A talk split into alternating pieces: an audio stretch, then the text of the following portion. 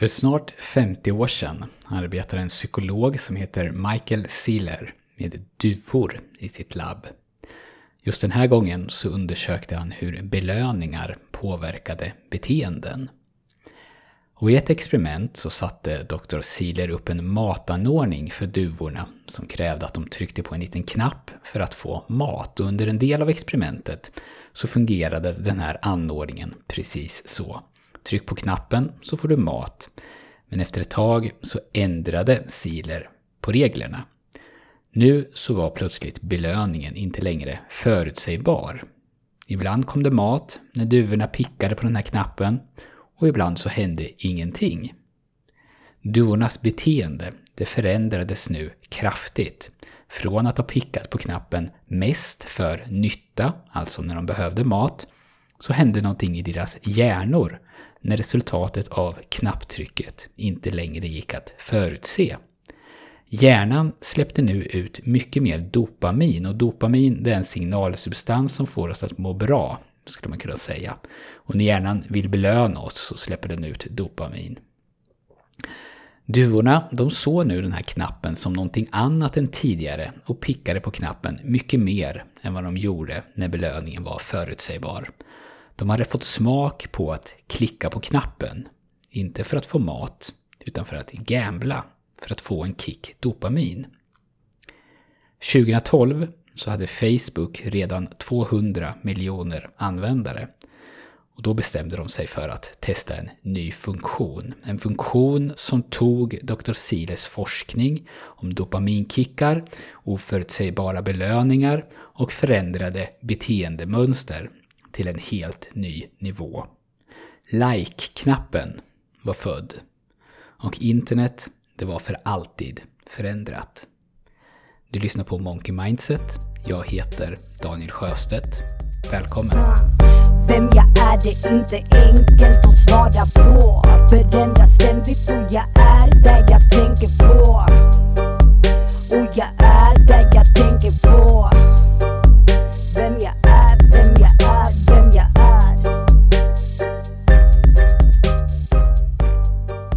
avsnittet så ska vi prata lite om vårt förhållande till teknologi. Jag har läst en bok av Cal Newport som heter Digital Minimalism och som föreslår att vi förändrar vårt förhållande till vår telefon framför allt på ett radikalt sätt.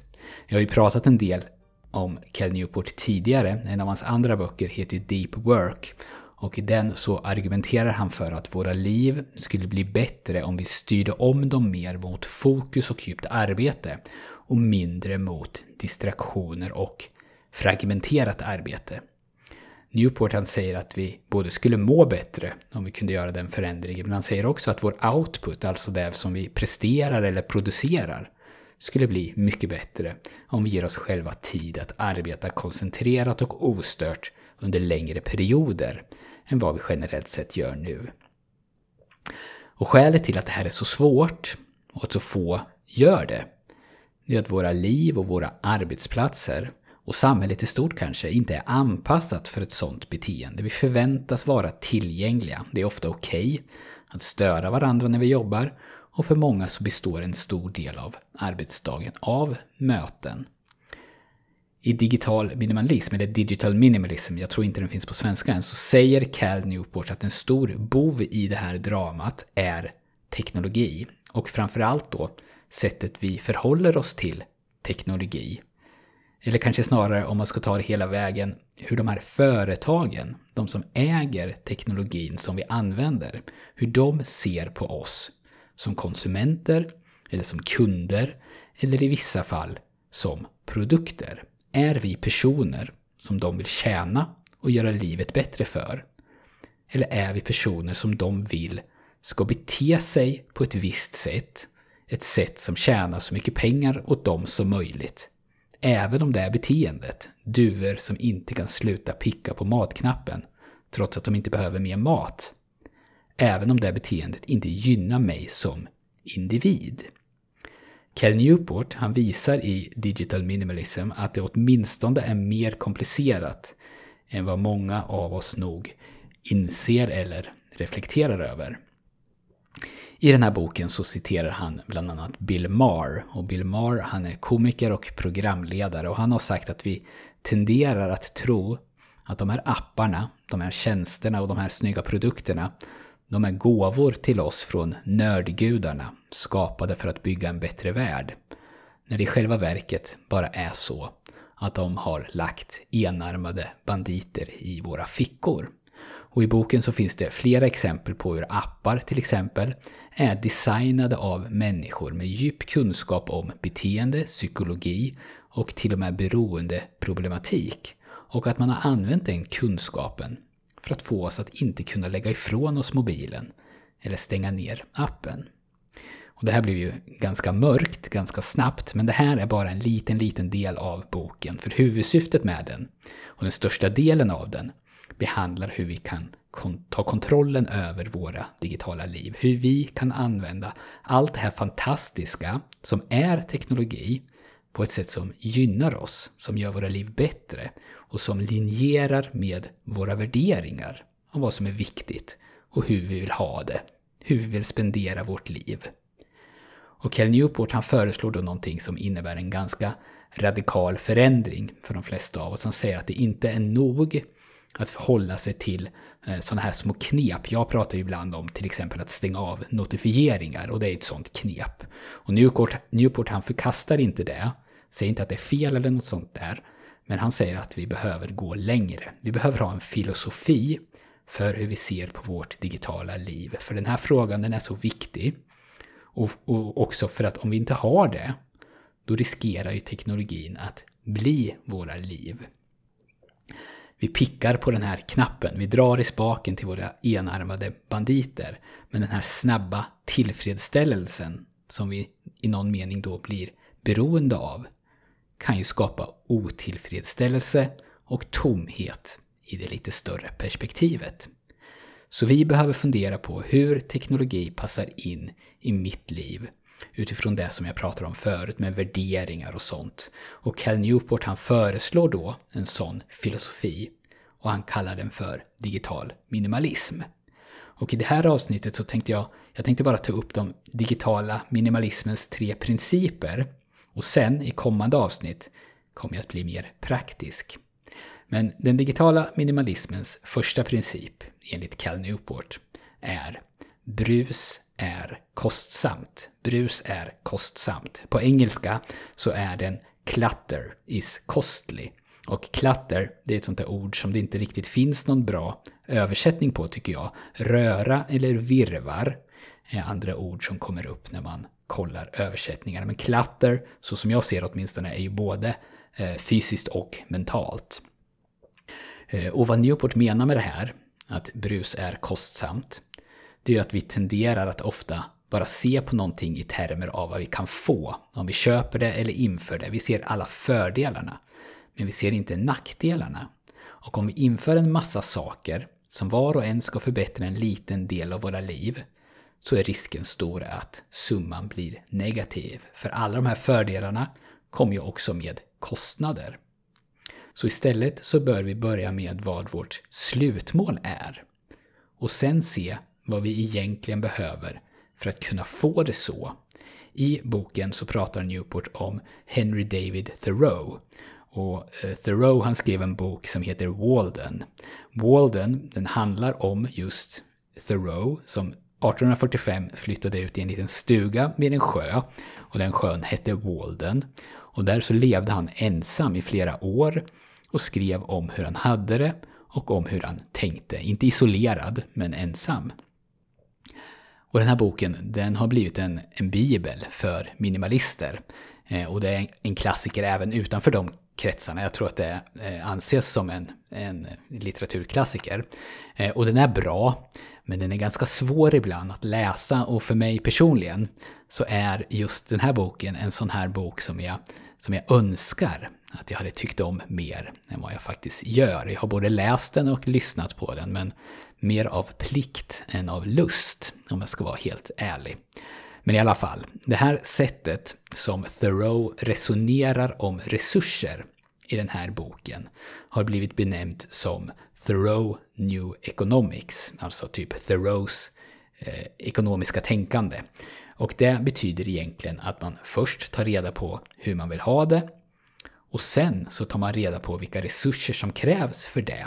Själva kärnan i minimalism är ju att vi behöver mycket mindre än vad vi tror för att bli lyckliga. Och Thoreau han kom fram till att det enkla liv vid den här sjön, Walden, som han ville leva, det krävde bara cirka en dags arbete per vecka. Sen kunde han ägna sig åt det som han tyckte gav hans liv värde. Och samtidigt så såg han personer runt omkring sig som ville tjäna mer pengar genom att jobba mer. Och han såg hur de levde liv fyllda av stress och bördor. Till vilken nytta, frågade sig då Thoreau. För han sa så här, vad de här bönderna tjänar på allt arbete och alla uppoffringar som de gör är att de har råd att köpa lite finare saker. Så ekonomi enligt Thoreau, det är då att samla på sig så lite brus eller virvar som möjligt så att du får så mycket tid och energi och resurser som möjligt att ägna dig åt de sakerna som gör ditt liv värt att leva. Och någonting, det här är lite utanför boken, men någonting som har fastnat hos mig vad gäller minimalism är två talesätt. Och för det första så är det här eh, att det finns mer tillfredsställelse och lycka i att sträva efter mindre och kanske enklare än vad det finns i att sträva efter mer. Och för det andra, att ju fler prylar du äger, desto mer äger de här prylarna dig. Och båda de här talesätten tycker jag nog också kan sägas gälla för våra digitala liv.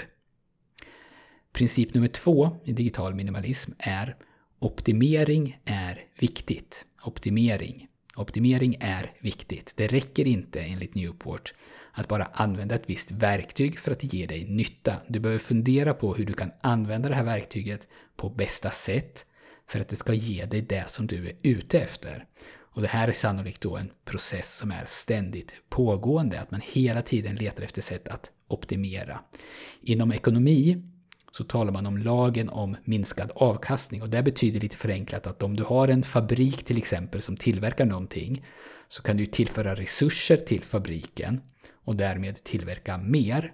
Men det kommer en punkt när mer resurser inte ger mer tillverkade enheter. Till slut så går det till exempel inte att få in fler arbetare i fabriken. Och om man ska ta det här exemplet med fys eh, på fysisk träning som är ganska enkelt så skulle det i teorin kunna gå att räkna ut hur många träningspass som är optimalt under en viss period för att bli så bra som möjligt.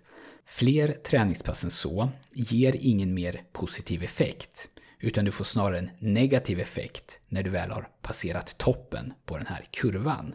Och om jag till exempel då bestämmer att jag behöver Facebook för att det är bra för mitt företag, så gäller troligtvis den här lagen där också. Ett inlägg på Facebook varje vecka är troligtvis mycket bättre än noll inlägg, så där går kurvan upp. Och två inlägg är troligtvis, troligtvis bättre än ett inlägg, så nu fortsätter kurvan uppåt. Men är 18 inlägg bättre än 17 inlägg? Troligtvis inte så jättemycket bättre, så där har ju kurvan åtminstone planat ut. Och var går den här gränsen? När är det för mycket inlägg? Så att mitt företagande blir lidande av att jag lägger ut så mycket på Facebook.